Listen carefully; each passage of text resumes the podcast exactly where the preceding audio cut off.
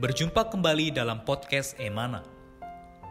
Renungan-renungan yang menguatkan iman ini diambil dari tulisan-tulisan saudara Watchmeni, seorang pelayan Tuhan yang sangat mengasihi Tuhan sampai akhir hidupnya.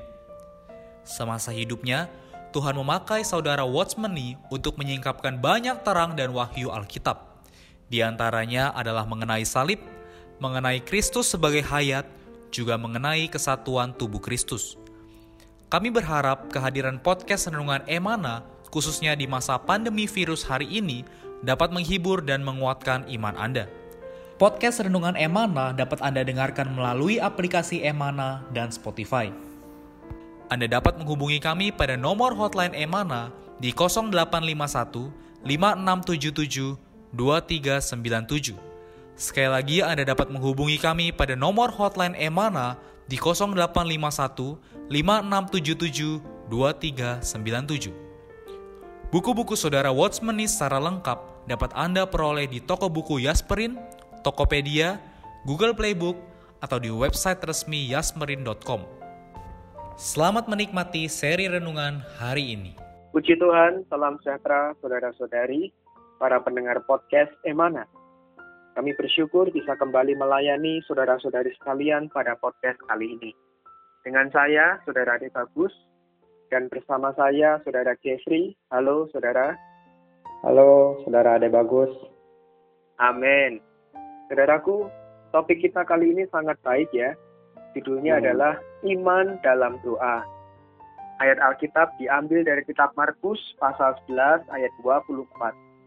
Karena itu aku berkata kepadamu, apa saja yang kamu doakan dan minta, percayalah bahwa kamu telah menerimanya dan Amen. kamu akan memilikinya. Dari Amen. ayat ini, berkat apa yang bisa disampaikan, Saudara Jeffrey? Ya, baik. Jadi judulnya sangat bagus sekali ya, dikatakan iman dalam doa. Kita mungkin sudah sering mendengar ya, ketika berdoa tidak hanya sekedar berdoa tapi perlu iman ya. Amin. Ya sering kali ya ketika kita berdoa mungkin tidak terjawab, mungkin orang mengatakan wah kamu kurang beriman ya, atau belum terjawab dikatakan kamu harus terus beriman ya. Tetapi yeah. eh, bagaimana eh, seharusnya sudut pandang kita mengenai iman ya? Nah, puji Tuhan ya kita nampak bahwa iman timbul dari pendengaran dan pendengaran akan firman Tuhan. Jadi dalam Markus 11 ayat 24 ini dikatakan, karena itu aku berkata kepadamu apa saja yang kamu doakan dan minta. Percayalah bahwa kamu telah menerimanya dan kamu akan memilikinya. Amin. Pertama-tama kita melihat dari sudut pandang manusia, karena ini yang secara umum ya. Nah, di sini perkara berdoa dan meminta atau memohon adalah perkara uh, sekarang ya. Perkara Amen. pada saat kita berdoa adalah perkara yang sekarang gitu ya. Ya. Kemudian yang bagian yang kedua adalah kamu akan memilikinya. Uh, itu adalah perkara yang akan datang. Amin. Artinya di dalam dua kalimat ini ada kesenjangan waktu. Ini dari sudut pandang manusia. Tapi saudari, ketika kita membaca ini, uh, kita perlu melihat uh, beberapa kata di dalam satu kalimat ini yang sangat penting yang mungkin sering kita abaikan ya. Dikatakan percayalah bahwa kamu telah menerimanya. Amin. Ya, kata telah ini benar-benar sangat penting ya. Ini Amin. adalah dari sudut pandang Allah. Ya, ketika kita berbicara iman, maka kita harus melihatnya dari sudut pandang yang tepat, yaitu dari sudut pandang Allah atau dari sudut pandang Tuhan sendiri. Amin. Ya, dari sudut pandang Tuhan, artinya apa, Saudari, dari ayat ini ya? Ketika kita berdoa, ketika kita meminta, uh, pada saat sekarang ini ketika kita berdoa dan meminta ya pada saat sekarang ini juga sebenarnya telah dijawab oleh Tuhan ya. Amin. Ya. Contohnya kalau kita lihat dari sudut pandang manusia ketika kita berdoa bagi keselamatan orang atau kesembuhan dari sakit penyakit atau pekerjaan-pekerjaan rohani ya. Dari sudut pandang kita adalah kita menunggu ya sampai itu rampung ya kelihatan secara mata fisik. Baru kita dapat mengatakan bahwa doa kita telah dijawab. Tetapi sebenarnya dari sudut pandang Allah tidaklah demikian.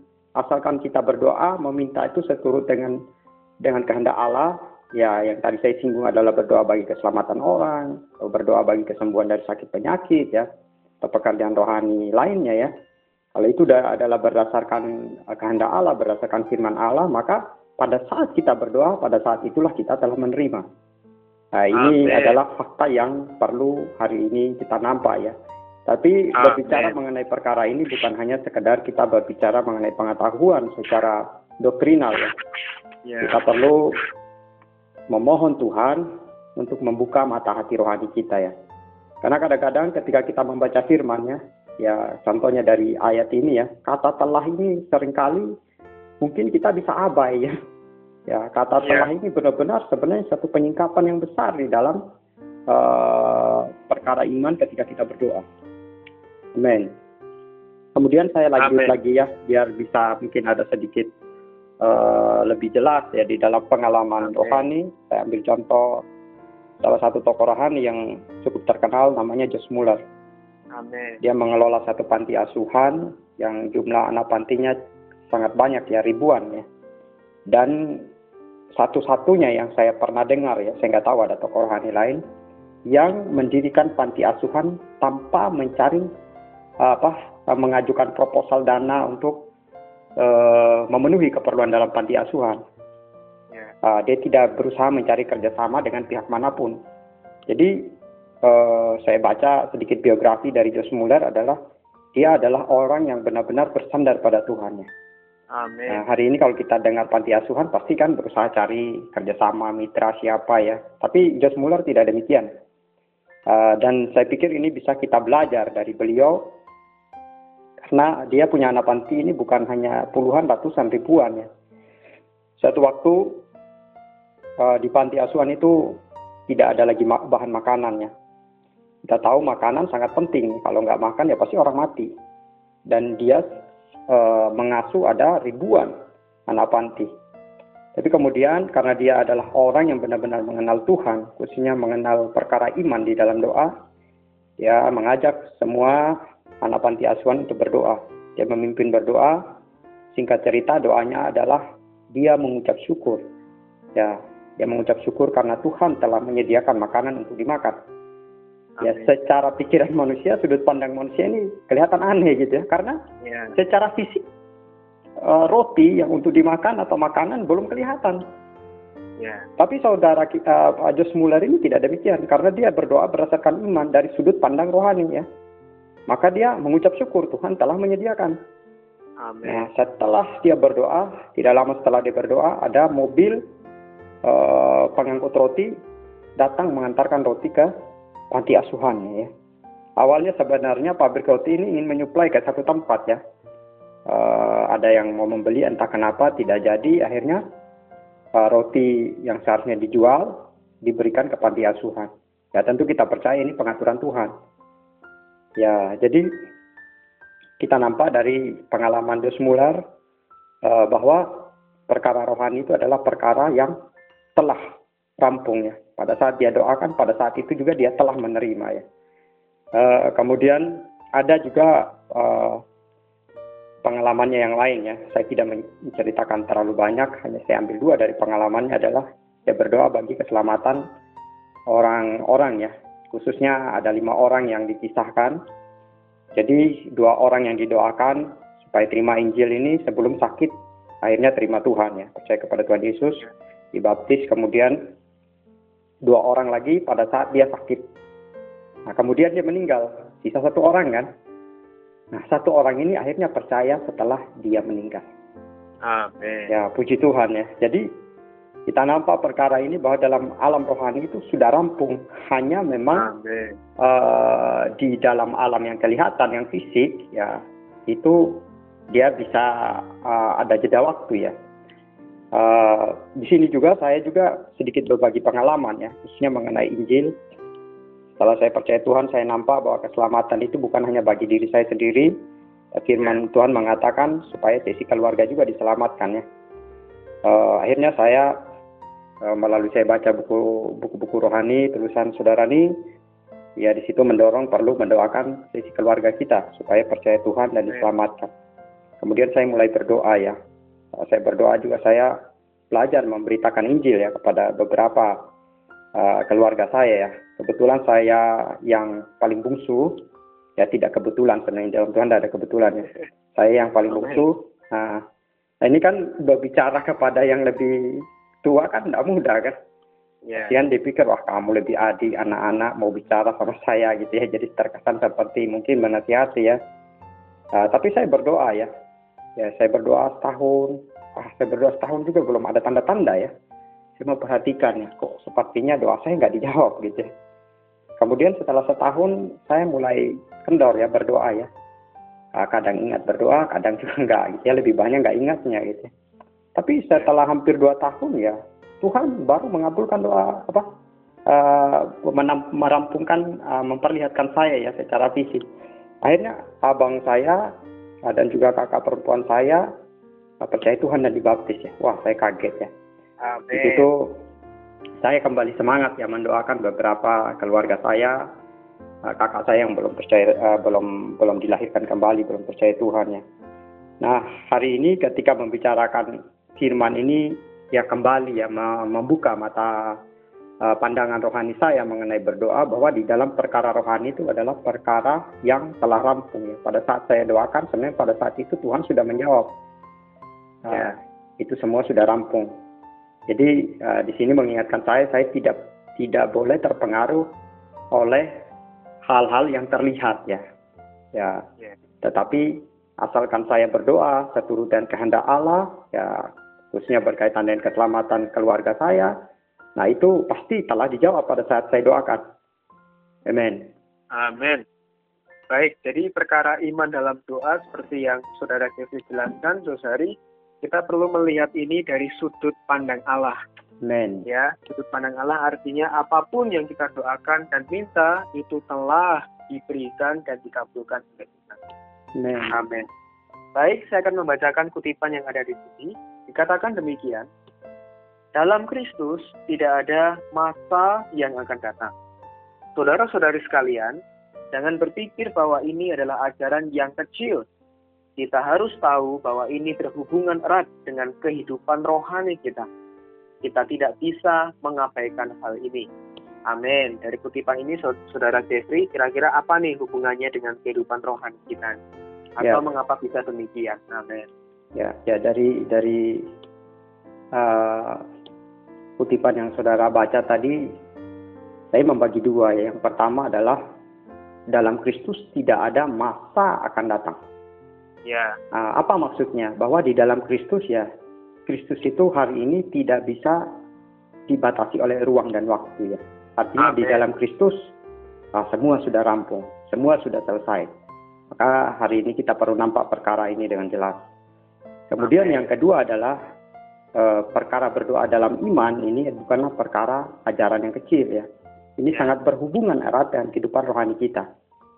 Ya, kita tidak bisa mengabaikan perkara ini. Apa maksudnya ya? Kalau kita tidak nampak perkara iman di dalam doa ya, sosialia, ketika kita berdoa, kita mungkin jawaban Tuhan secara manifestasi secara fisik belum kelihatan, kita akan menjadi kecewa ya kita akan menjadi undur.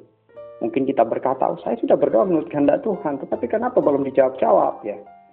Sebenarnya Tuhan sudah menjawab, ya. Cuma kita ini terbiasa apa melihat dengan uh, terbiasa melihat hal-hal rohani itu harus kelihatan dulu baru percaya, baru telah dijawab.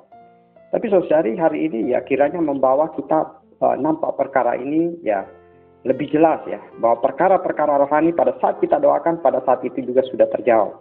Sehingga hari ini ya saudari ketika kita mengikuti Tuhan kita tidak menjadi kecewa, kita tidak menjadi undur ya.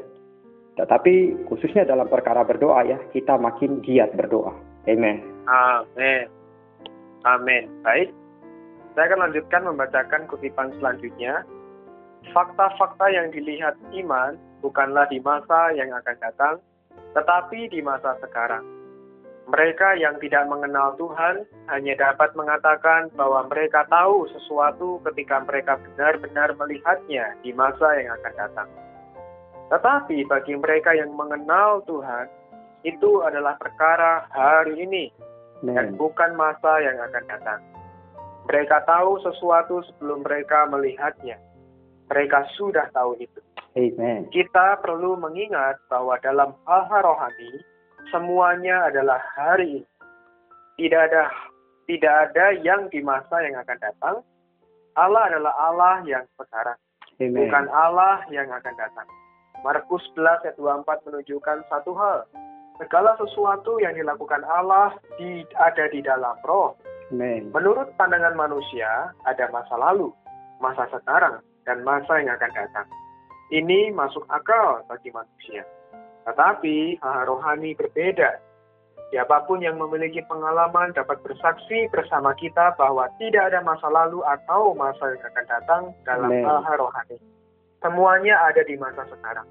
Ada banyak hal yang menurut pandangan manusia ada di masa yang akan datang. Tetapi kita mengatakan bahwa hal-hal itu ada di masa sekarang. Syukur kepada Allah dengan iman yang sejati. Segala sesuatu sudah selesai. Amin. Amin. Puji Tuhan. Ya, eh, paragraf terakhir yang saudara ada bagus baca sebenarnya sudah sangat jelas ya. Tapi eh, saya hanya ingin menekankan kembali bahwa perkara eh, iman dalam doa ini atau perkara-perkara rohani sebenarnya dengan sederhana semuanya sudah rampung dan bagaimana kita melihat perkara ini dengan jelas adalah di dalam roh. Saudari, di luar roh uh, segala sesuatu mengenai perkara rohani akan menjadi kabur ya. Itulah sebabnya ya firman Tuhan pernah mengatakan ya berbahagialah orang yang tidak melihat namun percaya. Bagaimana bisa percaya? Ya memang tidak melihat secara mata fisik, tetapi secara mata rohani kita menjadi jelas. Ya semoga Tuhan ya merahmati kita sehingga kita benar-benar menjadi orang-orang yang tinggal di dalam roh, yang hidup di dalam roh, Amin. sehingga terhadap perkara rohani kita tidak menjadi kabur ya. Ya. Ya, jadi segala perkara rohani sebenarnya sudah rampung, sudah selesai. Inilah iman yang sejati ya. Ya hari ini Amin. Saudari, ya ketika kita berdoa, berdoa seturut kehendak Tuhan, ya kita tidak perlu meragukan uh, bahwa perkara itu dijawab atau tidak. Pasti ya, bahkan dikatakan telah ya, telah menerima ya. Jadi uh, saya mungkin menyinggung sedikit juga satu hal uh, perkara yang penting di dalam perkara rohani ya. Pada saat banyak orang Kristen berpikir bahwa uh, kita itu tahu uh, kita memperoleh hidup yang kekal setelah kita mati ya. Tetapi firman Tuhan Ya. tidak mengatakan demikian. Pada saat kamu percaya, pada saat itu juga kamu menerima hidup yang kekal ya, bukan tunggu setelah mati. Ya. Jadi uh, di sini kita melihat fakta rohaninya ada demikian ya. Jadi sehingga dalam uh, penghidupan rohani kita ya kita mengikuti Tuhan itu uh, kita tidak menyalahpahami Tuhan. Kita bersuka cita di dalam Tuhan dan di dalam doa kita kita benar-benar ya berdoa dengan uh, penuh kepercayaan di, di dalam Tuhan ya. Kita tidak meragukan uh, setiap perkataan firman Tuhan atau kehendak. Tuhan yang seharusnya kita doakan. Amin. Amin. Puji Tuhan, moga berita firman Tuhan kali ini memberkati kita semua, boleh membawa kita masuk ke dalam realitas rohani, Amin. membawa kita masuk ke dalam iman yang sejati, yang artinya kita percaya di dalam roh kita, Ya. bahwa segala sesuatu sudah selesai di Ya. pandangan Allah. Amin. Puji Tuhan. Baik untuk menutup podcast kita di dalam kasih, mari saudara Jeffrey bisa berdoa untuk kita sekalian. Amin. Tuhan, kami mengucap syukur padamu Tuhan. Amin. Ya, hari ini Engkau kembali mengajari kami, kembali menerangkan kepada kami perkara iman di dalam doa yang adalah iman yang Amin. sejati. Tuhan. Yesus, kami mengakui kami adalah orang-orang yang masih belum begitu ada pengalaman yang banyak, yang real terhadap perkara iman di dalam doa. Ya. Biarlah Engkau terus mewahyukan ke- kepada diri kami di dalam pengalaman, sehingga kami benar-benar memiliki iman yang sejati di dalam Amin. setiap doa-doa kami. Tuhan, Amin. sehingga kami juga menjadi orang yang terus maju di hadapan-Mu secara positif, eh, terus berpengharapan di dalam Dikau, terus teguh berdoa bagi kepentingan-Mu ya Tuhan. Amin. Tuhan Yesus, terima kasih di dalam namamu kami berdoa. Amin. Amin. Puji Tuhan. Puji Tuhan. Sekian podcast Renungan Emana hari ini. Kami akan kembali pada seri berikutnya. Anugerah dari Tuhan Yesus Kristus dan kasih Allah dan persekutuan Roh Kudus menyertai kita semua.